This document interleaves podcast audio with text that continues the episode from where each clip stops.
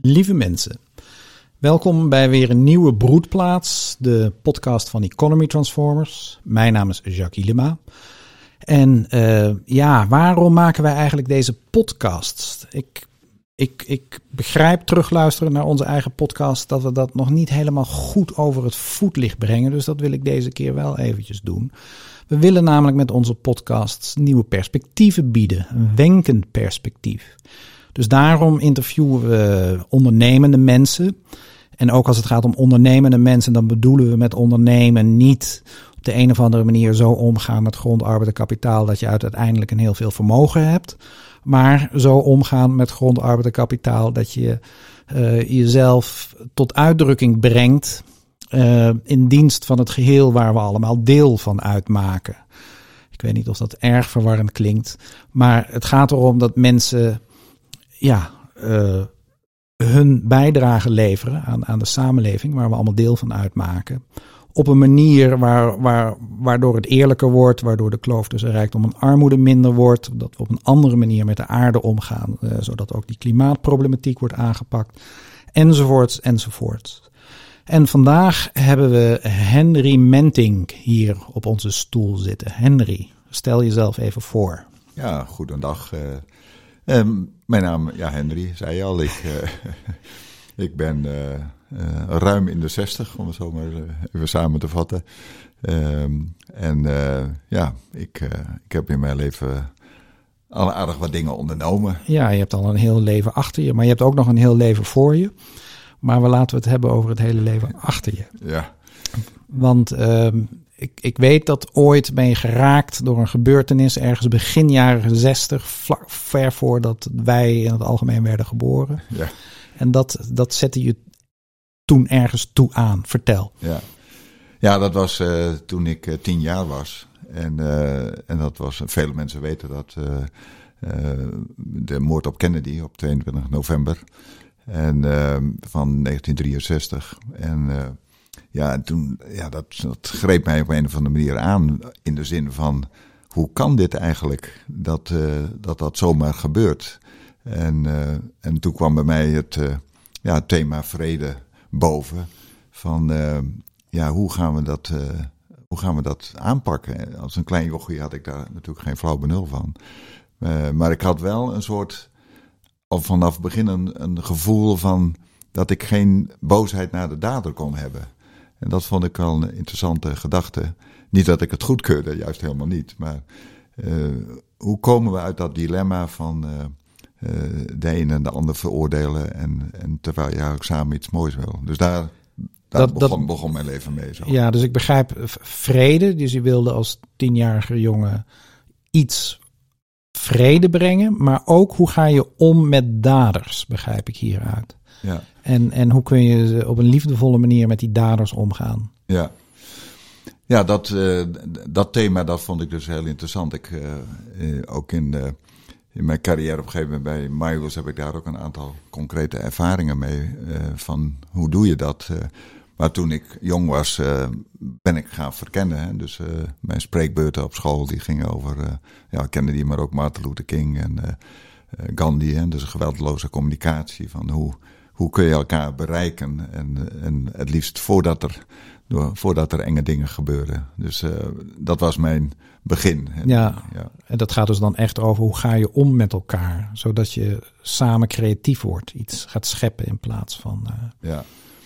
ja, en wat ik... Uh, ook niet had, was om daar dingen, tegen dingen te protesteren. Zo van, ja, dat deugt allemaal niet, ik moet in actie komen.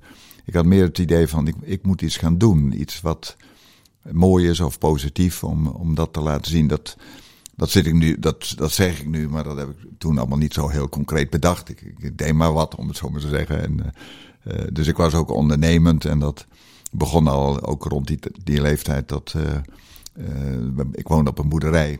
Uh, in de middelen van de Noordoostpool geen toeristen bekenden. Maar ik ging bij heet weer ging ik, uh, met bekertjes water aan de weg staan om voor de 1 cent te verkopen.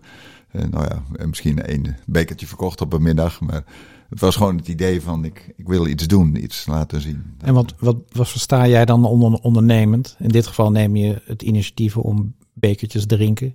voor vermoeiende fietsers of wandelaars neer te zetten. Ja. Ja, wat is ondernemen? Dat is eigenlijk ja, uh, zin in hebben in iets moois doen. Hè? De, uh, en, en gedreven zijn om dat, uh, om dat vanuit jezelf tot stand te brengen. En, en wat ik. ik heb dus na, van de boerderij Hooglammerschool gedaan. En, en, de, en toen dacht ik van ja, ik moet gewoon maar eens naar Nijrode. Hè, want daar zitten. dan word, je opgeleid hè, voor, voor, voor ondernemingen. En dus dat heb ik gedaan. Uh, niet zozeer dat ik dacht van nou daar wordt het, de ideale maatschappij geschapen direct. En ook dat wist ik toen allemaal niet precies. Maar ik denk ik ga gewoon die opleiding volgen. En heb toen ook ruim tien jaar in het bedrijfsleven gezeten om gewoon te verkennen van hoe werkt dat eigenlijk, zo'n zo'n bedrijf? En, en kan ik daar iets aan veranderen? Nou, dat, dat was mijn eerste verkenning in de, in de, ja, in de wereld. Om, om in het ondernemen. Dus ja, je had wel het gevoel dat als je iets wilde bewerkstelligen in de, in de wereld, in de samenleving, dan moet je ondernemen. Ja, ja, misschien noemde ik dat niet zo, maar ik, eh, ik wilde gewoon dingen doen. En ook binnen dat grote bedrijf heb ik een aantal gewoon hele mooie grote projecten mogen doen. En ik had er ook heel veel plezier. Maar uiteindelijk na een jaar of tien, dat was in 1990, toen dacht ik van ja, dit, uh, zo gaan we, ga ik het niet redden of kom ik niet, laat me zeggen, tot... Uh, tot, jouw recht. Tot mijn recht en, uh, en ben er toen uitgestapt. En, en dat was, was in die tijd was ook wel best wel spannend, want ik had vier kinderen. Mijn vrouw die... Inmiddels? inmiddels, ja. Oh ja, die, ja inmiddels, ja. ja. We zaten nog op de, op de lagere school op een gegeven moment. En nu heb je dus... Uh, heb ik ineens vier kinderen. Vier kinderen en een vrouw. En je hebt uh, gestudeerd op Nijrode en tien jaar in het bedrijfsleven gewerkt. en ik neem aan dat dat op de reguliere manier, op de ouderwetse, op de oud-economische manier... Uh, ja, vervulde je daar een functie. Ja, ja. Ja, en het was uh, ook op een gegeven moment, het was een familiebedrijf, maar dat was ook al overgegaan op een gegeven moment in handen van de grote multinationals. En men begon met biotechnologie en ik dacht van nou nee, dit, uh, dit is niet, uh, niet mijn pad. Hier wil je niet meer jouw bijdrage gaan leveren. Maar ook als het gaat om ondernemen en even terug nog naar mijn gezin. wij hadden, we, we, hadden drie kinderen, maar we hadden ook het idee van ja, we, we zagen natuurlijk over de wereld heel veel kinderen die het heel veel slechter hadden. En ook het idee van ja, we kunnen daar eigenlijk, wat kun je daaraan doen? En toen hadden we, hebben we op een gegeven moment bedacht van, uh, we kunnen gewoon voor één kind iets doen. En uh, toen hebben we één uh, Fabian geadopteerd als, als vierde. En, in jullie gezin? In het gezin. Dus je hebt drie eigen kinderen en een geadopteerd En een geadopteerd okay. kind, ja. Mm -hmm. En nou, dat was ook best wel spannend. en, maar dat is uiteindelijk heel goed gekomen. Dus daar ben ik eigenlijk wel heel, heel blij om. Oh ja, ja. cadeau, kind. Ja, cadeau, kind. En, uh, en je leert daar ook, ook weer heel veel van. Want eh, het was ook iemand met wat andere temperament. En, uh, en hoe voegt zich dat in een gezin. Dus uh, ja, het was een soort, ook een soort onderneming, maar dan in een gezinsverband, om het maar even zo uit te drukken. Ja. ja. Oké, okay, dus we zijn nu in 1990. Je hebt uh, gewoon een reguliere opleiding gedaan tot ondernemen. Je hebt in het bedrijfsleven gewerkt. Je hebt inmiddels een gezin gesticht. Je hebt zelfs een kind geadopteerd. En toen? En toen. Nou, wat ik. Je bent nog steeds bezig met die vrede ook, hè? Ja, die vrede. Want uh, wat ik dus zag in het bedrijfsleven, dat was het, het aspect van concurrentie. Hè? Van, uh, Strijd. Ik, moet, ik, ik, ja. moet, ik moet beter zijn dan de ander. Dat was, het, dat was het hoofdgedachte van kun je concurrentie. Dat, ik dacht als er, als er echt vrede wil komen. De, de hele wereld bestaat uit mini en hele grote ondernemingen. Dus als je dat concurrentiedenken eruit zou kunnen halen. Ja, dan, dan maak je echt stappen. Want als je dat weet te bereiken, dan heb je ook het bewustzijn bereikt van uh, hoe kan ik zaken doen vanuit, vanuit het eenheidsdenken, vanuit, vanuit vrede. En ben toen eruit gestapt en ik had de eerste uh, opdrachten die ik deed. Ik had een, in die tijd dat ik nog uh, voor het bedrijf werkte, een boek geschreven over informatiesystemen. Dus ik heb daar uh, in de informatiebeleid ontwikkeld voor het bedrijf. en met, die, met dat boek ging ik op pad om een aantal klussen te doen. En zo begin je dan. Want ja, je hebt mm -hmm. vier kinderen en de vrouw die zorgde voor de kinderen. Dus dan is er ook wel wat centen nodig. Dan moest de man die moest dan voor het geld zorgen. Ja, lekker ouderwets. Lekker ouderwets, ja, ja. Nou ja, dat was, dat was ook nog zo. Ja, en, in de jaren tachtig. Ja, en... je, zegt, wacht, je zei net eenheidsdenken. Dat, dat is dus vanuit het eenheidsdenken de concurrentie weghalen. Ja, hoe dat zit bedoel je? ja, nou ja, wat, wat bedoel je daarmee? Want uh, wat is eenheidsdenken? Denken nou, ze in eenheid, in eenheden op, in dat bedrijf waar je werkte? Nee, dan, laat me zeggen dat eenheidsdenken, daar bedoel ik mee dat, we, dat je je één voelt en, en samen bent met de ander en de natuur en het geheel. Dat je, als ik iets doe wat de ander schaadt, schaadt dat het geheel. En dus... Uh, dus het denken vanuit, we zijn Vanuit het geheel denken. Vanuit het geheel denken, ja, maar net wat voor een woorden. Ja, nee, oké, ik wil het gewoon even begrijpen. Ja, ja, ja. ja. En, uh, en het eerste wat ik toen als, als bedrijf, als onderneming ben gaan uh, uitwerken, was het de opzet van de eerste professionele wereldwinkel. Uh, er waren er toen zo'n 400 in Nederland, maar ja, dat was allemaal kleinschalig, hè, achteraf, in, of in een, in een pastorie of in een op een weekmarkt. Of, uh, nou, en ik dacht dat als we eerlijk handel willen stimuleren, dan moet het een hele mooie winkel zijn. Dus, dan moet het eh, ook professioneler. Professioneel zijn. Ja. En toen. Dat is dus begin jaren 90. Dat heb, begin jaren, heb jij een uh, wereldwinkel opgezet? Ja, ik ben er in 92 mee begonnen. En dat duurt natuurlijk wel een paar jaar voor je dat helemaal rond hebt. Mm -hmm. uh, en de formule die ik daarvoor, de, laat zeggen, de zakelijke formule, om het zo maar te zeggen, die ik daarvoor had, was dat ik niet dacht vanuit. Uh, kosten gaan voor de baten uit, maar meer vanuit de relaties gaan van, voor de baten uit. En inmiddels voeg ik eraan toe, dan kun je ook niet meer failliet. En, eh, en relaties, dat zijn, uh, dat is de, gemeente, de, maar er zijn de klanten, er zijn de medewerkers. Dus kun je met, met die groep kun je daar samen iets, uh, iets bouwen. En de leveranciers, want in de wereldwinkel ja. verkoop je nou juist spul uit, uit andere delen van de wereld. Ja, ja. Wat je dan bij een importeur ophaalt. En dus je hoeft niet, uh, oh, de, je hoeft niet zelf lijntjes te leggen niet, naar Afrika. de wereld over te reizen. Ja. maar we nodigen wel eens importeurs uit hè, om gewoon ook hun verhalen te horen. Oh ja. ja. Maar goed, we hebben met die. het waren een paar honderd klanten die we hadden. Daar hebben we dus honderdduizend gulden toen bij elkaar gehaald. als een soort voorloper op het crowdfunden uh, om die winkel te kunnen bouwen met een architect en een aannemer en, uh, en steun, steun, van de gemeente. Mm -hmm. uh, en nou, dat is ja, gewoon heel goed gelopen. Het meest spannende was eigenlijk wel dat we alles rond hadden in de zin van plan en aannemer, de architect en de vergunning van de gemeente. Maar we hadden nog niet genoeg vrijwilligers. Mm. En, en ook als je een, we zetten een advertentie, maar daar kwam gewoon niemand op af. Mm -hmm. uh, of niemand, misschien één of twee, ik weet dat niet meer precies. Maar we, van acht vrijwilligers, we waren een klein winkeltje, naar veertig als je de hele week open wilt. Mm -hmm. Ja, dat is een hele, uh, hele stap. Maar we zeiden gewoon, we, nou we gaan gewoon. Hè, we, en dat is ook een beetje ondernemersgeest van nou, je stapt een beetje in het ongewisse. Uh, maar wel met een soort innerlijk vertrouwen van ja, dit, dit moet gewoon gaan lukken. Ja. Nou, toen begonnen we te bouwen en toen kwam er echt elke week een vrijwilliger bij. Want die zien dan iets van, hé, hey, daar gebeurt wat. En, en mensen willen natuurlijk uh, zich aansluiten bij iets moois. Ja, en, bij uh, iets wat al bestaat dan, of wat ja. zichtbaar en beleefbaar ja, wat, wordt. Wat, wat, ja, beleefbaar, wat, wat ze zien groeien, wat ze zien ontstaan. En daar willen mensen iets aan bijdragen. Hm. Dus uh, nou, als we de wereld wat mooier willen maken, moeten we vooral uh, niet zoveel praten, maar vooral doen. Uh, in beweging komen, in beweging initiatief komen. nemen. Ja, ja. Je, je, zei, uh, ja, we hebben eigenlijk gecrowdfund. Dus dat was ook al in begin jaren 90, 92, ja. 92, 93. Dat je met 100 mensen 100.000 gulden toen bij elkaar kreeg. Dat, dat is niet om het pand te kopen, dat was om het pand te verbouwen. En geschikt te maken als winkel. Nee, we hebben echt een heel nieuw pand gebouwd. Hey, voor die 100.000 uh, gulden, ja. Jongen, jongen, ja, en we hebben ook wel, ja. ook wel veel zelfwerkzaamheid. Ja. ja. En dat waren toen renteloze obligaties. Mm -hmm. Dat was door een notaris ontwikkeld. En, uh, uh, en ze kregen een rente in de vorm van... Uh, ze kregen elk kwartaal een nieuwsbrief met een... dat ging toen, we hadden nog geen internet of nee. geen e-mail... Uh, met een wikkel eromheen om die nieuwsbrief. En dat noemden we de Wereldwinkel Waardewikkel.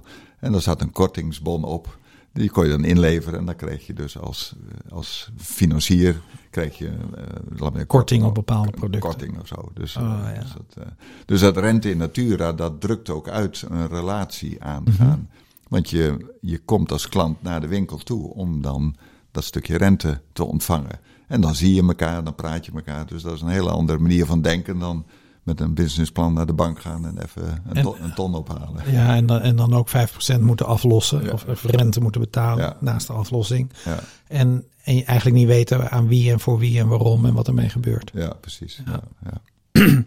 en uh, dus 100 mensen, betekent dat die 100 mensen allemaal 1000 euro ongeveer hadden ingelegd? Nee, we hadden toen een bestand van vier, ongeveer 400 mensen. Nee, er waren er een paar die 10.000 deden, maar uh, de meesten hadden uh, coupure, coupures van uh, 200, 250 gulden, dat was het. oh ja, en kregen die dat uiteindelijk ook terug? Was het een lening of was het een soort eindeloze schenking? Nee, het was een lening en de notaris die loodde elk, elk obligatiestuk had een nummer. Ja. En hij loodde elk jaar eh, 10% van de nummers uit en die kregen het geld terug. Oh ja. Maar dan kregen ze een brief van, uh, ja, u krijgt het geld terug, maar u mag het ook uh, nog verlengen ja. of je mag het schenken. Ja. Nou, de, in alle drie Gebeurde. kwamen voor. Ja. ja. ja. Oké.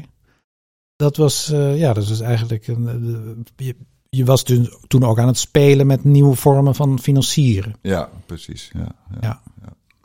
En hoe lang heb je die wereldwinkel gedaan uiteindelijk? Nou, dat, uh, ik, laat me zeggen, in het begin heb ik daar vol in gestaan. Maar dat Mhm. op een gegeven moment ben ik uh, met uh, het autodelen begonnen. Dus dat is geleidelijk aan, is dat, is dat minder geworden. Ik heb nog wel een tijd in de, in de raad van toezicht van Fairtrade Original gezeten. dus een van de importeurs. Mm -hmm. maar My Wheels, wat we of wat toen nog anders heette, maar het heet nu MyWheels, dat, uh, dat begon al mijn aandacht uh, te krijgen. Ja, want, want, want en, en welke tijd is dat dan? Dus ik begrijp dat je eigenlijk naast de wereldwinkel een auto bent gaan delen om te beginnen één. Ja. En, en, en, en hoe ontstond dat en, en hoe nam het een uiteindelijk het ander over? Ja. Ja, het idee van autodelen begon toen ik een boek las, dat heette De Macroscoop. En daar stond een verhaaltje in van als je een, een zo'n grote Amerikaan, als je die moet bouwen, zo'n auto, dan, uh, dan kost dat qua energie zoveel dat je één mens daar een 30 jaar van kunt voeden. Hmm. En toen dacht ik, jeetje, het is niet alleen de brandstof, maar het is ook het bouwen van zo'n auto. Ja. En toen ging mijn auto net stuk, ik denk, weg ermee. En uh, toen heb ik drie jaar geen auto gehad en toen ben ik structureel één auto gaan delen met drie gezinnen. En ja, dus het begon met gewoon, jij, jij had weer een, toch een auto nodig om, om gewoon jezelf te kunnen transporteren. Ja. Maar die ben je meteen gaan delen. Die ben ik meteen gaan delen. En in welke tijd was dat? Wel... Ik begon daarmee in februari 1993. 93, dus vrij snel ook na het hele wereldwinkel gebeuren. Ja, ja, dat ja. Die ging ongeveer zo parallel uh, begon ja. dat. Ja. Oké, okay. en, en, en hoe, hoe ontwikkelde dat zich? Ja, nou, als je, uh, wat ik deed is gewoon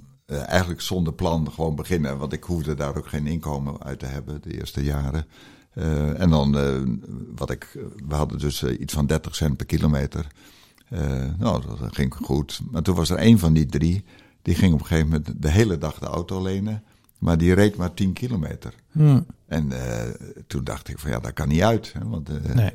de, dus toen zijn we weer bij elkaar gaan zitten van hoe doen we dat? En toen is de uurprijs uh, erin gekomen, plus een kilometerprijs. En zo is wat ik eigenlijk steeds deed. Uh, de klanten erbij betrekken van hoe, gaan, hoe laten we samen het bedrijf ontstaan. Ja. En uh, de tweede auto was uit een erfenis van een stichting waar ik in zat. Mm -hmm. maar de derde auto, dat was wel interessant. Er was een lid die zei van ja, jullie zitten wat ver weg en ik heb kinderen, dus het wordt wat lastig. En, en toen zei ik van, als ik nou een auto bij jou voor de deur zet en jij zorgt voor wat klanten, dan, uh, en toen hadden we de derde auto, en de ja. vierde, de vijfde. Ja, even, even, even. Dus eigenlijk in, in gesprek met de gebruikers van de auto ontwikkelde je dat concept van Ja. auto's lenen, auto's delen, Ja, eh, steeds verder. Hoe je het betaalt, hoe je het verzekert, hoe je, hoe je het neerzet en beheert dus. ja, En die derde auto zei je, dat was een, een eindje weg bij jou uit de buurt. En toen heb je daar een auto neergezet. ja. En uh, zo ook de vierde en de vijfde. En de zesde, dat was na tien jaar was ik zo bezig. Ja, je was dus begonnen, dus na tien jaar had je zes auto's. Had ik zes auto's en veertig deelnemers. Ja, Maar die zesde auto, eh, dat was eh, ook een lid waarvan zijn vader overleed. En toen zei hij, ja, dan ga ik stoppen als lid, want eh, ik heb nu de auto van mijn vader. En toen zei ik van, eh, als ik die nou eens koop eh, en we zetten hem weer in. En oh, dat vond hij wel een goed idee. ja, Maar toen heb ik eh, er ook een eh, juridische structuur van gemaakt, een coöperatie. En eh, nou, we hadden dus zes auto's en elke auto had een beheerder en die zorgde voor die auto. En die zes beheerders werden toen het eerste bestuur van de coöperatie. oh ja. Dus zo is dat heel organisch is dat ontstaan. En nou, dat was, de, dat was in eh, 2003 dat het allemaal wat officiëler werd. Ja, want tot die tijd waren de auto's gewoon voor jou. Nee, dat waren allemaal huurauto's. Oh, dat waren huurauto's. Ja, dus daarin was de verzekering ook geregeld. Oh ja. Eh, eh, en toen ik als bedrijf begon, toen had ik ook een, een track record van eh, hoe zit het met schades Mhm. in die tien jaar. Ja. Nou, dan kon ik laten zien dat dat heel weinig was. Ja, En toen kon ik ook bij een verzekeraar verzekeringen regelen, want dat was nog wel een lastig dingetje. oh ja. Dus zo hebben we dat eh, aangepakt. Ja, dus toen heb je het georganiseerd. En heette het toen al My Wheels? Nee, het, eh, in het begin hebben we het, toen we het oprichten was het Wheels for All. En, eh, en later, tien jaar later, toen hebben we het omgezet naar eh, My Wheels. Ja, dat is tien jaar later is in dit geval 2003. Eh, nee, eh, eh, nee nou, oh ja, dat ben ik er één vergeten. Ik be- begon met eh autohuur Autohuur samen. samen. Ja, En in 2003 werd het een coöperatie en toen heette het Wheels for All.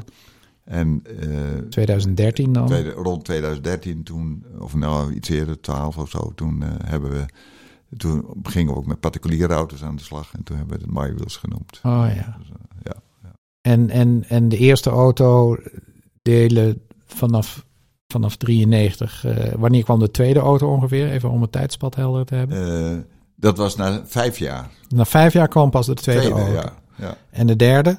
ja, dat eh, na één of twee jaar. Dus En dan dus de, de, de zesde na tien jaar. En Ja. hoeveel had je er dan in 2012, tweede, toen jullie... ja, toen zaten we richting de 200. eh, Oh ja, dus, dat, dus, dat is echt zo'n hockeystick Ja, grafiek dan. Ja, ja, ja.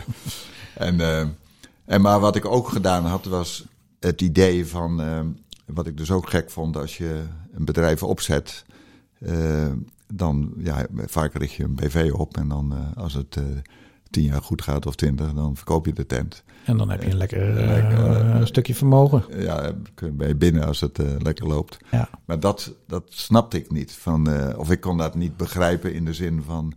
Ja, maar hoe kan ik dan allemaal geld opstrijken... terwijl al mijn medewerkers eh, achterblijven? Dus, Ja, eh, die het ook samen hebben ontwikkeld. ja, dus eh, om die reden een coöperatie die gewoon ook niet te koop was. En, en uiteindelijk heb ik ook in eh, 2015, toen ik eruit stapte... heb ik het bedrijf ook weggeschonken. Ja, dus doorgegeven aan iemand doorgegeven aan een andere organisatie... die er op dezelfde, in dezelfde geest mee verder ging. Ja, en, dat, en dat vind ik wel belangrijk om te noemen, dat je dan niet iemand hoeft te zoeken met geld. mhm. Want eh, die moet dan dat geld, eh, dan blijft geld de regie houden. ja, Want je moet die, eh, stel dat hij mij 2 of 3 miljoen had moeten betalen, dan had hij dat terugbetalen, of de rente daarover, had hij in de prijs. ja moet weer in de prijs van die auto. Daarom Ja. wordt alles duur. Mensen, daarom wordt alles steeds duurder. Omdat mensen hun bedrijven verkopen. Ja, En iedere keer als er een bedrijf wordt verkocht, dan wordt de boel weer duurder. Dus eh Henry zag dat al heel vroeg in. Wanneer zag je dat eigenlijk?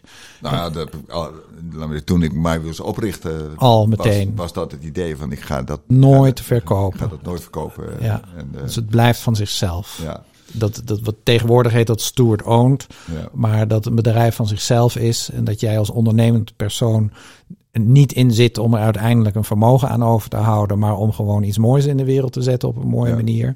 Dat, eh, ja, dat, dat heb je eigenlijk met My Wheels gerealiseerd.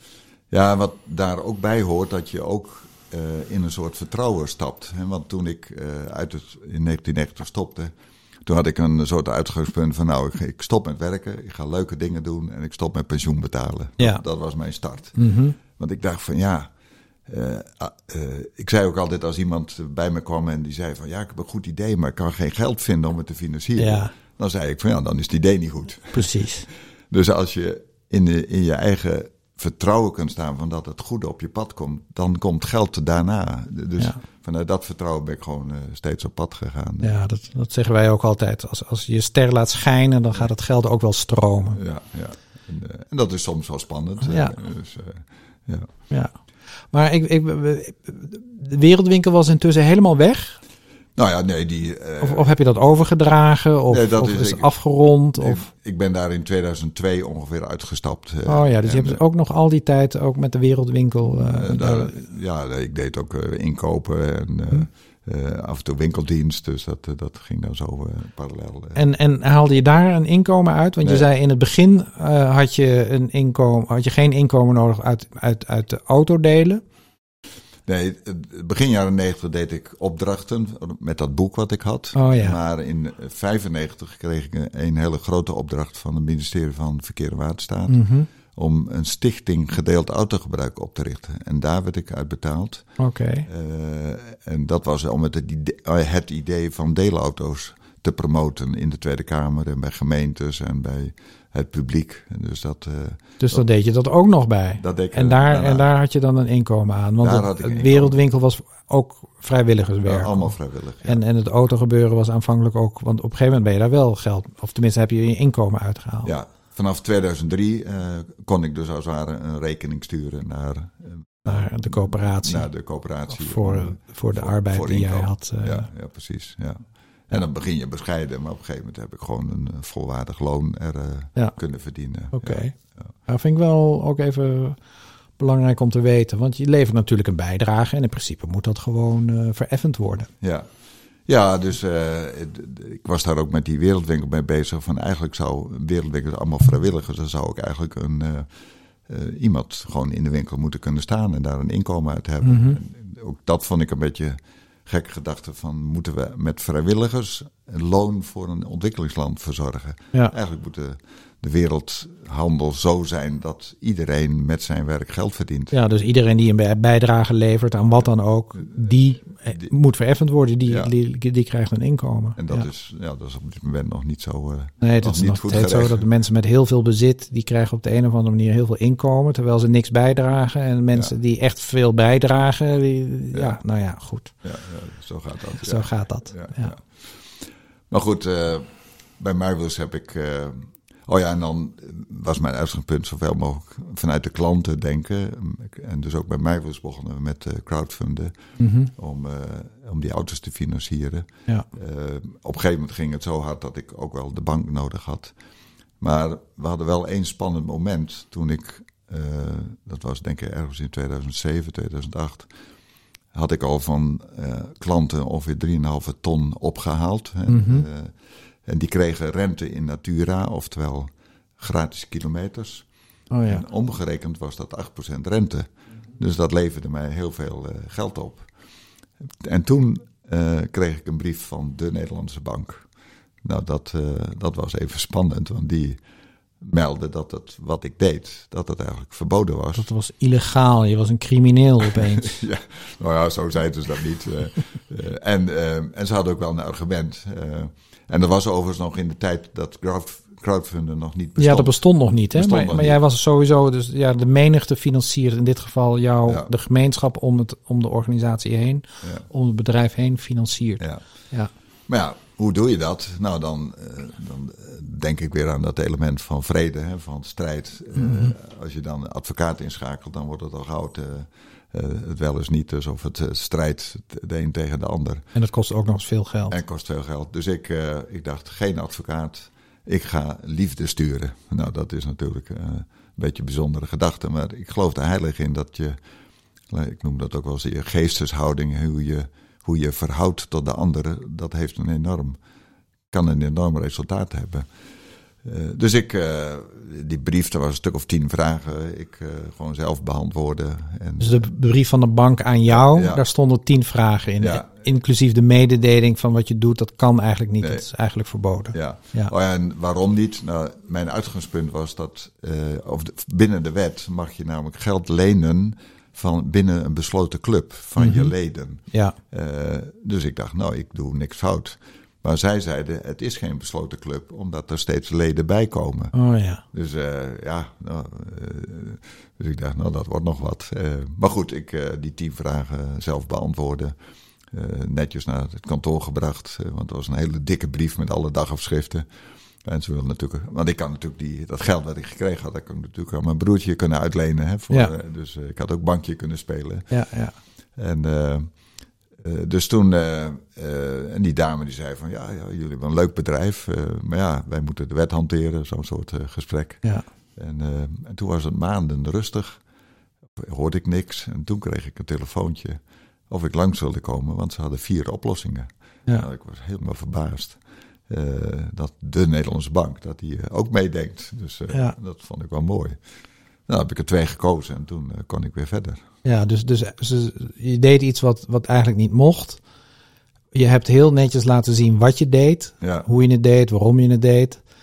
En, ehm, en, en, en zij zijn er dus heel lang mee bezig geweest. En toen hebben zij, de. Nederlandse bank, een constructie bedacht waarin, dat, waarin, Toch het, dus- mogelijk waar- waarin het mogelijk werd. ja, ja. Ja, dat is heel wat anders dan, ja, dan word je dus creatief. Dat is heel wat anders dan een strijd aangaan en eh, winnen in een rechtszaal of zo. Ja, ja dat, eh, dat respect voor het systeem, dat vind ik een heel belangrijk. eh, je kunt van alles, eh, kun je zeggen, klopt er niet van, maar als je het vanuit respect benadert, Mhm. dan kom je op creatieve dingen en dan gaat het systeem op een gegeven moment meebewegen. Mee, meedenken, ja. ja. en dat, dat vind ik gewoon een spannende gedachte. Dus Ja, dat doet mij nou opeens denken. Ik, ik was ooit in Pakistan en na drie maanden moest je je verblijfsvergunning verlengen.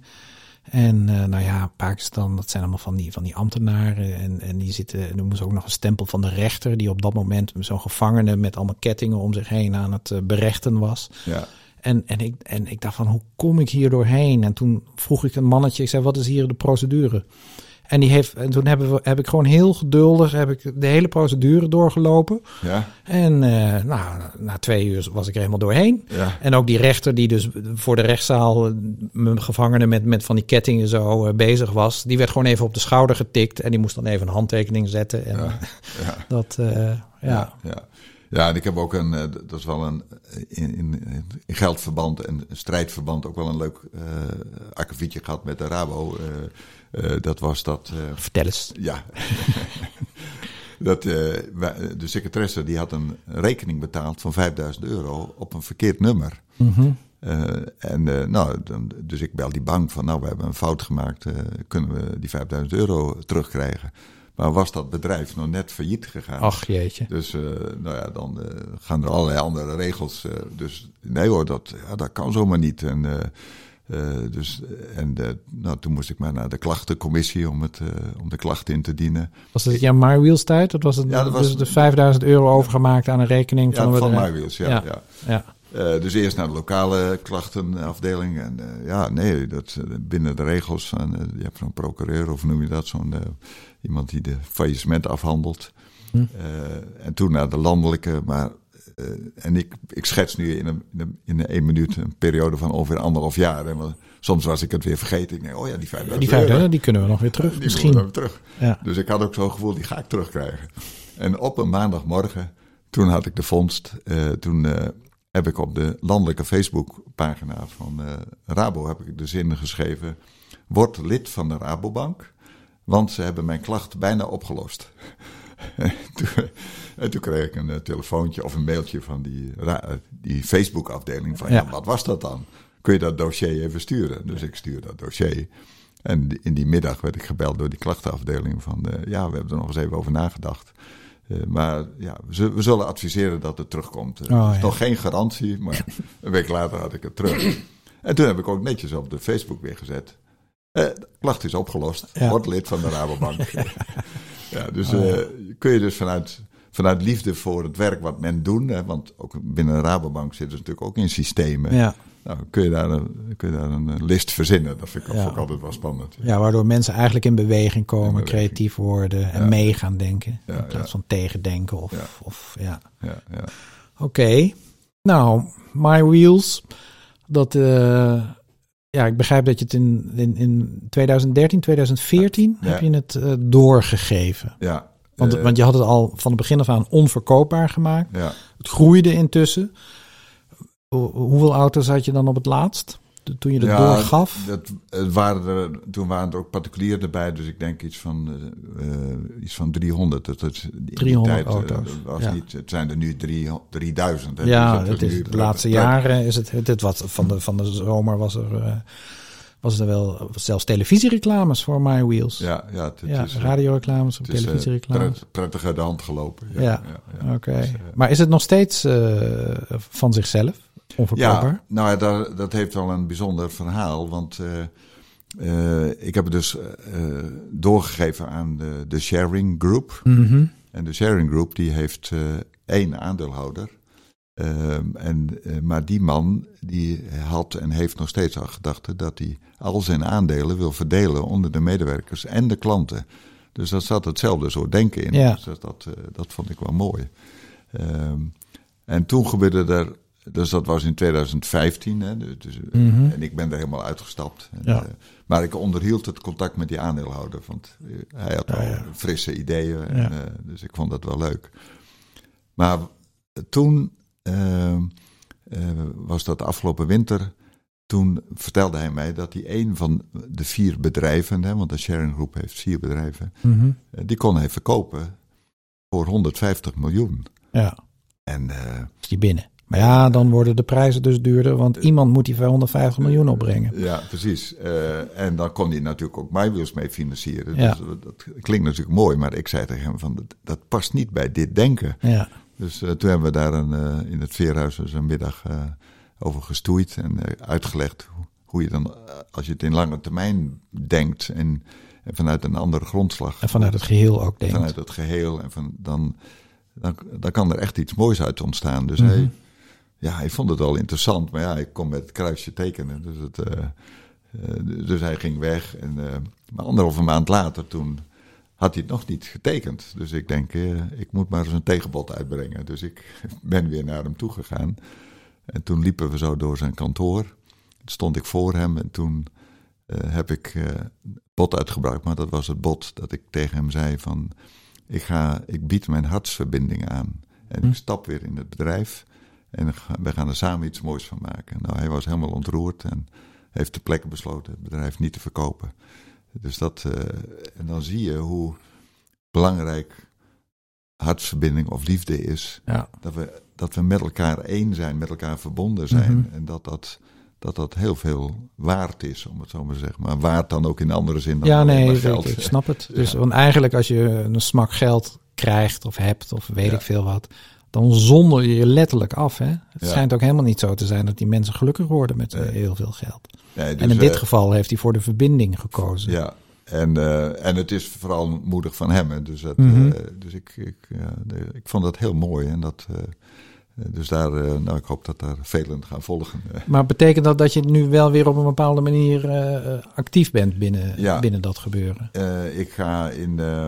Eh, er komt een stichting eh, en eh, die dus, laat me zeggen, het eigendom beheert of erop toeziet. Mhm. En dan krijg ik daar een zetel namens de aarde, de stem van de aarde. Oké, omdat wij nu ook vanuit het Veerhuis druk met de aarde bezig zijn. ja, Dus, dus dit is nog eventjes vooruitlopen op, op, op het veerhuis. Ja.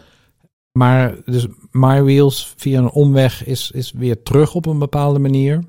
En verbonden ook met de volgende impuls die je in de wereld ging zetten, namelijk dat veerhuis. Dus in 2015 gaf je, het, nee, 2013, 14 gaf Ja, je eh, My Wheels de- door. Ja, En dat is toen een eigen ontwikkeling gegaan. ja. En wat ben jij toen gaan doen? ja ik, ehm, eh, ik ben toen. eh, ja, ik zit even te, denken waar moet ik beginnen. Want ik, heb, ik heb natuurlijk al begin jaren negentig Pieter ja. Kooistra ontmoet, die in het Veerhuis woonde. En Pieter Kooistra was de bedenker van de kunstuitleen. Maar die had ook boeken geschreven over een andere economie. En dat vond ik dus interessant. Ja, Met hem heb ik ook heel veel eh, nagedacht over uh, My Wheels en over de wereldwinkel. Hoe zetten we dat op? oh, Eh, maar hij overleed in, de tweede, in eh, 1998. hij was een soort leraar van jou. Ja, of, nou ja, of, meer- of, een raadplegend ra- gesprek. ja, het, meer- het, onderzoekend gesprek heb je met hem gevoerd. We hadden vergelijkbare ideeën. Ja. Dat, dat matchte en we hebben leuke gesprekken gehad. Oké. En, eh, maar goed, het was. eh, in handen gekomen van een, uh, een investeringsmaatschappij toen die overleed. Ja, dus het, het, het, het veerhuis, dat was van hem. Daar had hij zijn atelier in. Ja. En, en toen hij in de jaren 90, eind jaren 90 overleed, toen, toen kwam het dus in handen van een, wat zei je nu net? Ja, er is een, laat me zeggen, dat was hij had het overgedragen aan de stichting, maar mm -hmm. het pand moest heel nodig verbouwd worden. En, uh, dus, uh, en toen is er een familie die heeft daar echt tonnen in geïnvesteerd en wilde ook het eigenaarschap hebben. Oh ja. En nou, dat, dat heb ik toen, toen ik uit Margo stapte, heb ik dat dus weer teruggekocht. Want ja, dus in de periode 98 toen Pieter Kooistra stierf, 2015. Ja. Toen is het, heeft het Veerhuis, Veerhuis een bepaalde ontwikkeling doorgemaakt. Ja, degene die het beheerde, die stopte. En toen wilde die investeringsmaatschappij, die wilde het gaan verkopen. En, Mhm. en daar heb ik toen, uh, uh, ja, toen ben ik weer met crowdfunden begonnen. Maar ook mijn huis verkopen, crowdfunden. Ja. En, een, en een, een, een, derde ongeveer als lening van de... Ja, jij wilde het Veerhuis overnemen. Jij Ja. wilde daar iets nieuws gaan doen. Ja, En, en dan moest je die investeringsmaatschappij, die moest je uitkopen. ja, ja. Daar, kort gezegd, een heel verhaal, maar kort gezegd komt het daar ongeveer op neer. Ja. ja, ja. En, en ik begrijp dat je een derde eh, heb je geleend bij de bank. ja. Een derde heb je je eigen spaargeld of pensioengeld erin gestopt. En- En een derde heb je gecrowdfund toen. Ja, van het bedrag wat je moest opbrengen. Ja, dus hebben ongeveer zo'n 90 mensen hebben daaraan meegedaan. Ja, En ook die kregen weer eh, rente in natura. Dus Ja. als je 250 euro inlegt, krijg je levenslang gratis kopjes koffie. Ja. Ja. Nee, want ik ben een van de inleggers. Ja, ja, precies. Dus ja. eh, toen, sindsdien ben jij ook in mijn leven, of ik in jouw leven, hoe je het noemen wil. Ja, ja, En eh, heb ik dat ook vanaf de zijlijn liefdevol mogen volgen. ja, ja. Maar ehm, wat, wat wilde je met dat veerhuis? Waarom dat veerhuis? Pieter Nou- Kooistra is natuurlijk een van de... Je wilde hem in ere houden of iets daarin voortzetten. ja. Maar vertel eens. Nou, het zijn gedachtegoed, dat vond ik interessant. Eh, een belangrijk element uit zijn plan was ook dat hij. eh, het eerste boek, dat noemde hij ook voor. Hè? Dus dat hij niet het bestaande systeem wilde veranderen, maar Mhm. dat hij iets nieuws ernaast wilde zetten. Ja, En hij dacht ook aan een soort wereldwijd basisinkomen en had dat helemaal ook technisch uitgewerkt. Maar ja, eh, om dat te bereiken, dan heb je toch wel ook weer een ander bewustzijn nodig. Dus ik ben er vooral ingestapt met het idee van, we moeten het laten zien. Die discussie had ik ook met hem, hè, dat ik, hij wilde dat allemaal via de Verenigde Naties organiseren. oh, hij wilde toch van bovenaf wilde je dat opleggen. Maar ik zei van, ik wil eerst eens laten zien dat het werkt. Dus ik ga een bedrijf opzetten. Hè? Want Mhm. als, het, als je een groots plan hebt, dan moet het ook op kleine schaal werken. Ja. En eh, dat is wat ik, wat ik nu voort wil zetten. En dus vernieuwende economische concepten. En waar Economy Transformers, eh, laat me zeggen, een belangrijke bijdrage in levert. eh, wil ik laten zien hoe dat dan werkt. En hoe je dat dan kunt vormgeven. Ja, Eh, dus dat we daar, eh, wat jullie thema is, arbeid, kapitaal en grond, dat Ja. we daar anders mee omgaan Ja. dan, dan regulier het geval. ja, want wij zijn, toen jij in 2015 begon met het Veerhuis als kennis- en doehuis voor een nieuwe economie. Ja, Toen zijn wij als Economy Transformers tegelijkertijd begonnen met, met onze, wat we nu de basisopleiding samenlevingskunst noemen. Eh, Ja. Die hebben van het begin af aan hebben we die in het Veerhuis eh, ja, eh, vorm mogen geven. Heb je daar ruimte aangeboden? ja. Ja, Ja, nee, dat waren ook altijd leuke, leuke groepen. Dus, Ja. eh, en nog steeds. En nog steeds, Wij dus zitten dat- er nog steeds. ja, ja. dus dat eh, gaat ook leuk. eh, ja. Maar intussen, want eh, ehm, nou, de afgelopen zeven jaar, deels hebben we die gezamenlijk mee opgetrokken. De Maris zit ook in het bestuur van, de- van de Uno Foundation, die, Ja. die de, ja, hoe zal ik het zeggen, die de eerste eigenaar was van het eh, Veerhuis. Dat is Ja. allemaal, dat- ja, er is een heel proces geweest sindsdien om die eigendomsverhoudingen, om het eigendom van de grond onder het Veerhuis, eh, op het eigendom van het Veerhuis zelf, op een andere manier te gaan organiseren. ja. Kun je daar wat over vertellen? Nou ja, we hebben. eh, eh, het begon eigenlijk voor mij zelf in eh, 2014 met een ingeving eh, die wat bijzonder was. Dat ik een soort ingeving kreeg en, en een heel plan dat ik duizend mensen zou vinden die ieder 1 miljoen euro zouden schenken aan de aarde. Mhm. En zo van de aarde uit de markteconomie halen. En uh, met dat idee ben ik toen naar uh, Herman Wijfels gegaan. Van ja, is dat wel haalbaar of wat, wat vind je ervan? En dus mm -hmm. uh, bij hem thuis op zijn kantoortje dat idee uitgelegd. En halverwege de uitleg kom, komt er tot twee keer toe een vogeltje op het raam tikken. Ja. En toen zei hij, dat gebeurt wel vaker. Als hier iets moois verteld wordt, komt er een vogeltje op het raam tikken. En, Ja. Nou ja, dat vond ik wel vond ik heel mooi. En toen dacht ik van, nou ja, ik moet hier echt mee aan de slag. Ja, dus het is even een miljoen, nee, hoe zei je, duizend mensen die een miljoen om de aarde vrij te maken. Maar Ja. dat betekent dus eigenlijk de aarde uit het, uit het, uit het geldsysteem te halen, Ja, zodat het eh, niet meer gekocht en verkocht gaan worden. ja. Ja, dus ik dacht, ik moet dat ook gewoon weer laten zien. Hè? Want je kunt wel een mooi plan hebben. Ja. En eh, toen ben ik in 2020 met een crowdfund-actie begonnen. Om schenkgeld op te halen voor het veerhuis zelf. Mhm. Een kleine, een kleine 2000 vierkante meter. eh, hebben we bijna twee, bijna twee ton opgehaald. En, en kon daarmee de lening verdwijnen. Eh, en konden we de grond onder het veerhuis wegschenken aan de Stichting Grond van Bestaan. Ja, dus de, de grond onder het veerhuis is nu van zichzelf. Van zichzelf. Dus in principe is het, het is ondergebracht in een stichting, grond Ja. van bestaan. Ja, En dat betekent dat het niet meer gekocht of verkocht kan worden. Dat er nooit iemand meer geld mee kan maken met, met, met, met dat stuk grond. ja. En het effect daarvan, dat wilden we ook weer laten zien aan, want dat was ook mijn doel van wat, wat, wat heeft dat voor een voordeel nou? Mhm. Die lening verdween en dat bespaarde ons eh 6000 euro per jaar aan rente. Mhm. Eh, dat, dat was een voordeel. Maar Ja. wij hebben die 6000 euro niet in onze eigen zak gestopt.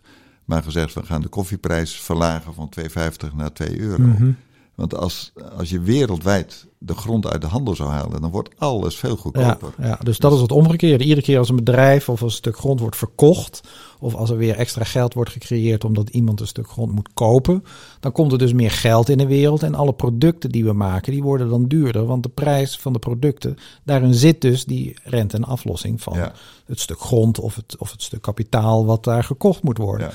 Het omgekeerde, ik ben even aan het uitleggen, Ja. het omgekeerde, als je dus uit het geldsysteem gaat halen, het grond in dit geval, Ja. ja, dan wordt alles steeds goedkoper en goedkoper. En jij hebt dat in concreto laten zien. Ja. Dat mensen daar op het terrasje in de zomer, als het lekker weer is en een kopje koffie, die kost daar maar 2 euro Ja. in plaats van 2,50. Ja. En hetzelfde hebben we ook nu met het- de, de organisatie zelf gedaan. Hè. We zijn aangesloten bij Slijpnier. Ja, eh, waar je dus eh, eh, met het idee, we gaan ook het bedrijf niet meer verkopen. Mhm. En Slijpnier is een organisatie van inmiddels zo'n 40 bedrijven. waar ja, die ook niet meer te koop zijn. ja, dus die En- bedrijven worden niet meer gekocht of verkocht. En eh, wat ik wel mooi vind is om daar dat, eh, wat, eh, hoe Slijpnier ontstaan is, is het worteltjesverhaal. Dat is ook zo. Ja, maar ik ga Koos Bakker, die een van de mede-oprichters is van, van Slijpnier, ook nog eens interviewen in Oh, deze reeks. dus- Dus dat worteltjesverhaal, dat, Dat komt komt. nog wel. Dat Dat, hoef jij niet te vertellen. Ja, Oké, oké. ja. Nou, dat is voor de, een cliffhanger voor de Ja, volgende. precies. ja, ja, ja. Maar nee, dus, dus inderdaad, de, de grond eh, en het huis, eh, de organisatie zijn niet meer te koop. Ja. En, eh, en dan ga je dus een spiraal naar beneden creëren in de zin van kosten. En ontstaat er ook ruimte voor, voor de duurzaamheid, voor klimaat, voor biodiversiteit, voor de mooiere huizen bouwen. Hè? Want je hebt gewoon, Ja. er ontstaat een heel nieuw potentieel. Nou, dat, maar dat, ja, dat vergt een, een soort omslag in, Ja. in denken. Ja. Maar ook mensen, ik, ik, ik weet uit ervaring, want ik, ik werd eens een keer geroepen bij een, bij een crisis, bij een initiatief. En eh, dat was, was een tuinder, die had een hele gemeenschap rond zijn tuin gecreëerd. Een pluktuin was dat. En, eh, maar op een gegeven moment wilden de mensen niet meer zo graag werken in de tuin. En wat bleek, ja, dat stuk grond was hem ter beschikking gesteld door een boer. ja. En, en, maar als, als, als die boer zei van nou, het is klaar, dan kon hij de hele, de hele initiatief opdoeken. En dan ging het gewoon, werd het doorgegeven aan zijn kinderen. Ja. En dat voelde de, de gemeenschap rond die tuin, die voelde dat. Van ja, maar alles wat ik hierin stop aan, aan bloed, zweet en tranen, dat gaat uiteindelijk naar de kinderen van die boer die op geen enkele manier een bijdrage leveren. Ja. Dus het initiatief stortte in. Ja. En toen, eh, nou ja, door het veerhuis in dit geval onverkoopbaar te maken, dat was ook de oplossing die bij hun aandroeg. Nou, breng het onder in een stichting, zodat de mensen het gevoel hebben, het is van hen allemaal. Ja, En, en alles wat je daarin investeert, of het nou in geld is of in werk wat je er gewoon in stopt, ja, ja, dat blijft uiteindelijk ook altijd voor het geheel eh, Ja. beschikbaar. En eh, nou ja, dat, dat, daar ben je nu ook mee bezig in het verenhuis, om, Ja. om, dat, eh, Om dat om die voorwaarden te creëren. eh, echt als een soort voorbeeld te ontwikkelen. Dus, Ja. en daar helpt Economy Transformers ook mee. Ja. Het doordenken van waar moet je naar kijken en hoe richt je dat in. Dus Ja. dat is heel mooi. Ja, en, maar inmiddels noemen jullie het Huis van de Aarde. Ja. Dus, dus ergens een omslagpunt geweest van kennis en doehuis voor een nieuwe economie. Zijn jullie nu het Huis voor de Aarde? ja. En eh, dat stapje moet je ook nog even vertellen. Ja, want eh, ik was dus bezig met, die, eh, met dat idee hè, van de grond vrijkopen, et cetera. Eh, en ik ben ook altijd wel geïnteresseerd om, om zulke ideeën heel, heel simpel te maken, dat een breed publiek het bereikt. En Ja. toen kreeg ik op een gegeven moment, dat was drie jaar geleden, 2019, eh, de ingeving. Eh, iemand zei eh, tegen mij van je moet dat, ik was bij dat dorp uh, Ruigoord betrokken. Dat dorpje moet op de werelderfgoedlijst. Zei Ja, dat hele dorp, ja. Ja, dat hele dorp. En toen dacht ik, een dorp, de hele aarde, Aarde. De hele aarde moet erop. Ja. dus, dus toen, toen ben ik nog een paar maanden later met een, een kruiwagen het beursgebouw in Amsterdam ingereden. Daar is een klein filmpje van. Ja, om het als het ware symbolisch de aarde van de beurs af te halen. ja, En eh, eh, nou, toen hebben we daarna die crowdfundactie gedaan van het Veerhuis, de grondweg eh, geschonken. En vorig jaar dacht ik van, eh Adelwereld Erfgoedlijst, laten we dat nu eens even eh, aanpakken. Dus Ja. toen ben ik met een kruiwagen aarde naar de UNESCO in Parijs gelopen. Ja vanuit 45 Varik. Vanuit Varik, 45 dagen. met het idee van om, dat, om dat zichtbaar te maken. En ook. en toen in, op dat moment toen zeiden we van eh, we moeten eigenlijk. De onderzin hè, voor het veerhuis moet eigenlijk zijn voor de aarde. We gaan Ja. echt.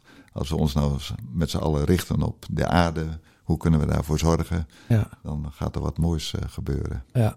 Dus, dus de hele aarde op het werelderfgoedlijst betekent eh, helemaal uit het geldsysteem. Ja, En wij zorgen met z'n allen voor die hele aarde. ja, ja. Punt. Ja, en het mooie is dat ze, want dat eh, de UNESCO, maar ook de EU, want daar kwamen we Langs, hè? Ja, Brussel, Brussel kwam weer langs, ja. Ja.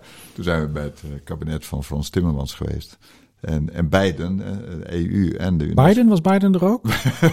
Bij, ja, want die, die komt nog. Oh ja. ja. Nee, maar eh, eh, de EU en de UNESCO, die nodigen ons ook uit om weer terug te komen. Oh ja. En wat eh, ik, ik voel dat, dat in al die systemen die er zijn, hè, van overheid tot bedrijfsleven, het gevoel is er van er moet iets anders. Ja, en, Eh, en dat het daarin zit, hè, dat, dat- hebben heel veel mensen nog niet in de Ja, gaten. het, het zit in, eh, ook, in, eh, ook in plezier en in liefde en betrokkenheid. Daar verlangen mensen naar. Hm. Ja. En nou, als je dat nou brengt, want we hadden gewoon die hele tocht 45 dagen, we hebben ook een hoop plezier gehad. En Ja, Heel veel Ja. mooie mensen ontmoet. Dus, Ja. ja. dus, ik kan het beamen. Ik heb ook een dagje meegelopen Oh, samen ja. met Damaris. ja. En we kwamen inderdaad mensen tegen van... Oh, gij zijt een... eh, wat was het? Een BV'er. BV'er, een bekende Vlaming. Dan was je net op het nieuws geweest in, eh, in, in, In België. Ja, ja, ja, dus dat was wel grappig. Ja, Ja. en toen hebben we ook een boerderij bezocht, hè, die Mhm. van, eh, lid was van Landgenoten. Dat, dat is een zo'n vergelijkbaar iets als, eh, als wat we hier hebben met eh, grond van bestaan. Ja, precies. Dus, eh, dat fenomeen dat is echt over de wereld aan het trekken. Ja, Ja. Dus sindsdien, dus eigenlijk sinds dit jaar, want jij hebt in 2022 van april en mei en juni heb jij die 45 dagen gelopen. ja, En, en nu, dus we zijn nu eigenlijk in het nu Ja. beland. ja. Wat maar nu? steeds van het uit het idee, ja, grond, arbeid en kapitaal, je bedrijf uit het geldsysteem halen, de grond uit het geldsysteem halen. Want het enige waar het geldsysteem eigenlijk voor nodig is, is de concrete productie die we leveren, of de concrete bijdrage die we leveren, dat dat op de een of andere manier vereffend moet worden Ja. en op elkaar afgestemd. Ja. en nu, waar, sta je, waar staat het veerhuis nu? Waar sta jij nu? Ja. Nou, we staan als Veerhuis nu eh, aan de, We kregen een soort ingeving van... Nou, het, het was zo eh, zeggen, goed ontvangen, de hele tocht. Mhm. Van we moeten gewoon daarmee verder. En, eh, we gaan nu de komende zeven jaar gaan we nog een, een, aantal keren lopen. we gaan eigenlijk om en om dingen doen. dat doen we volgend jaar gaan we dingen doen. dus laten zien hoe het werkt en het verder uitwerken. En dan in 24 weer lopen. En dan weer doen, lopen, doen. Dus we gaan nog drie keer lopen naar Parijs. Oké. Maar dan steeds uh, en ook kijken of het in andere landen kan. Hè. Dus er zijn een aantal contacten lopen er al. En we merken dat die hele basale kruiwagen met aarde, dat dat, dat, dat op een of andere manier aantrekt. Dat, ja. dat is heel simpel en dat brengt ons ook terug naar de aarde. En, mm -hmm. uh, op die tocht naar Parijs hadden we ook een levensgrote regenworm meegenomen. Hè, van een regenworm die die, die, als die het nou goed zou hebben wereldwijd, dan, dan schiet het dan heel eind op. Eh. Ja. Dus, uh, nou, en dat is allemaal vanuit het idee om, om, om, om de aarde uit het geldsysteem te halen, zodat we direct weer voor de aarde kunnen gaan zorgen met ja, elkaar. Ja, en, Dat, uh, en ja, dus met die tochten mensen aanmoedigen om daar een nieuwe creatieve en, oh, ja, vormen voor te vinden. vinden want, want is nog steeds zo dat stukken aarde worden bewerkt door boeren. En andere stukken aarde, daar, daar mogen we huizen op bouwen om daar te gaan wonen. En weer andere stukken aarde, dat is recreatiegebied. En weer, dus het hele, hele systeem van uitwisselen en aan elkaar toewijzen, dat, daar moet echt alternatieven voor bedacht worden. Als je het uit het geldsysteem haalt. Dus niet meer via de markt uh, uitwisselt. Ja. En de, de tocht heeft ook concrete hectares opgeleverd. Hè. Dat was mm wat een heel leuk voorbeeld is. Uh, een arts die vlakbij uh, Antwerpen woont, die behandelt patiënten in de tuin in een grote boomgaard. Oké. En nou, met de tocht als aanleidingen, we zijn daar ook langs geweest met de kruiwagen, heeft hij één hectare bijgekocht. En die gaat hij dus ook vrijmaken. Mm. dus hij gaat de komende jaren een crowdfunder doen. en, en dat wordt nu een, gewerkt aan een soort voedselbos, voedseltuin. dus dat, dus, dat, dus mensen zijn al aangezet om stukken grond vrij te maken. Ja, ook. ja precies. Ja, Want dat is het op het werelderfgoed zetten, het vrijmaken. Ja, ja. Wij, het grappige is dat UNESCO zegt van het aardig werelderfgoedlijst kan helemaal niet. Nee. Dat is wel een goed idee. Ja. Dus wij gaan dat goede idee helpen uitwerken. Ja, ja, dus dat is het idee. Ja. Dus uh, ja, we zijn bijna een uur in gesprek. Dus ik wil naar een afronding toe. Maar we zijn ook in het nu beland en, en met de plannen voor de toekomst. Um, is, is er nog iets wat je, wat, je, wat je wil vertellen wat je nog niet gezegd hebt? Um, ja, uh, wat mij te binnen schiet als je dat zo zegt, is van uh, uh, het contact. Het contact maken met de natuur. Dat, ik heb dat zelf heel erg ervaren. Dat je, dat je gewoon gesprek kunt hebben met de natuur. Ja. In verbinding treden met de natuur. Uh, want als je. Als ik dus uh, mij iemand een vraag stelt over, uh, ja, ik zit met een organisatieprobleem, hoe, hoe, moet je dat aanpakken? Dan ga ik altijd naar de tuin toe en dan, dan schets ik van, ja, hoe is een zaadje begonnen? Heel klein of er zitten luizen op de plant, wat doen we eraan? Oh, kunnen we vogeltjes inschakelen? Dus als je metaforen van de natuur gebruikt, mm -hmm alles is te reflecteren, ook in de organisaties, aan hoe de natuur eigenlijk werkt. Oh ja. Dus die verbinding leggen uh, naar de natuur uh, kan je heel veel helpen. En dan, de wijsheid die jij uit de natuur haalt. ja. En die betrek je dan in dit geval op organisatievraagstukken. Ja, maar ook in de zin van ga erin lopen. Ik had een keer een, bij mij was een programmeur die eigenlijk helemaal van slag was. Want hij was ook de, de, de hoofd van de programmeren en het, het, het lukte allemaal niet. En, uh, en uh, toen zei ik tegen hem: Ik weet wat je moet doen. Je gaat nu naar buiten en je gaat een uur lopen en dan kom je pas terug. Ja. Terwijl hij in een soort paniek was. Ja. Nou, en na een uur, toen had hij het gevonden. Was hij weer tot rust gekomen? Tot oh. rust, maar dan komen er ook oplossingen. Ja, dan komen er ook goede oplossingen. Dus ja. ga de natuur in. Dat uh, is wat ja. ik nog mee wil geven. Ja, dan, dan, dan geef ik nog mee dat het veerhuis aan de Waal ligt, aan de uiterwaarden. En uh, oorspronkelijk was het veerhuis letterlijk het huis bij de veer over de Waal. Ja. En, uh, en jullie verzorgen vanuit het veerhuis ook pelgrimstochten. Pelgrimstochten ja. voor een dag. Ja. En, ja. en je kunt daar heerlijk wandelen in de natuur. Ja. En, uh, en, en, en, en, en bezinnen.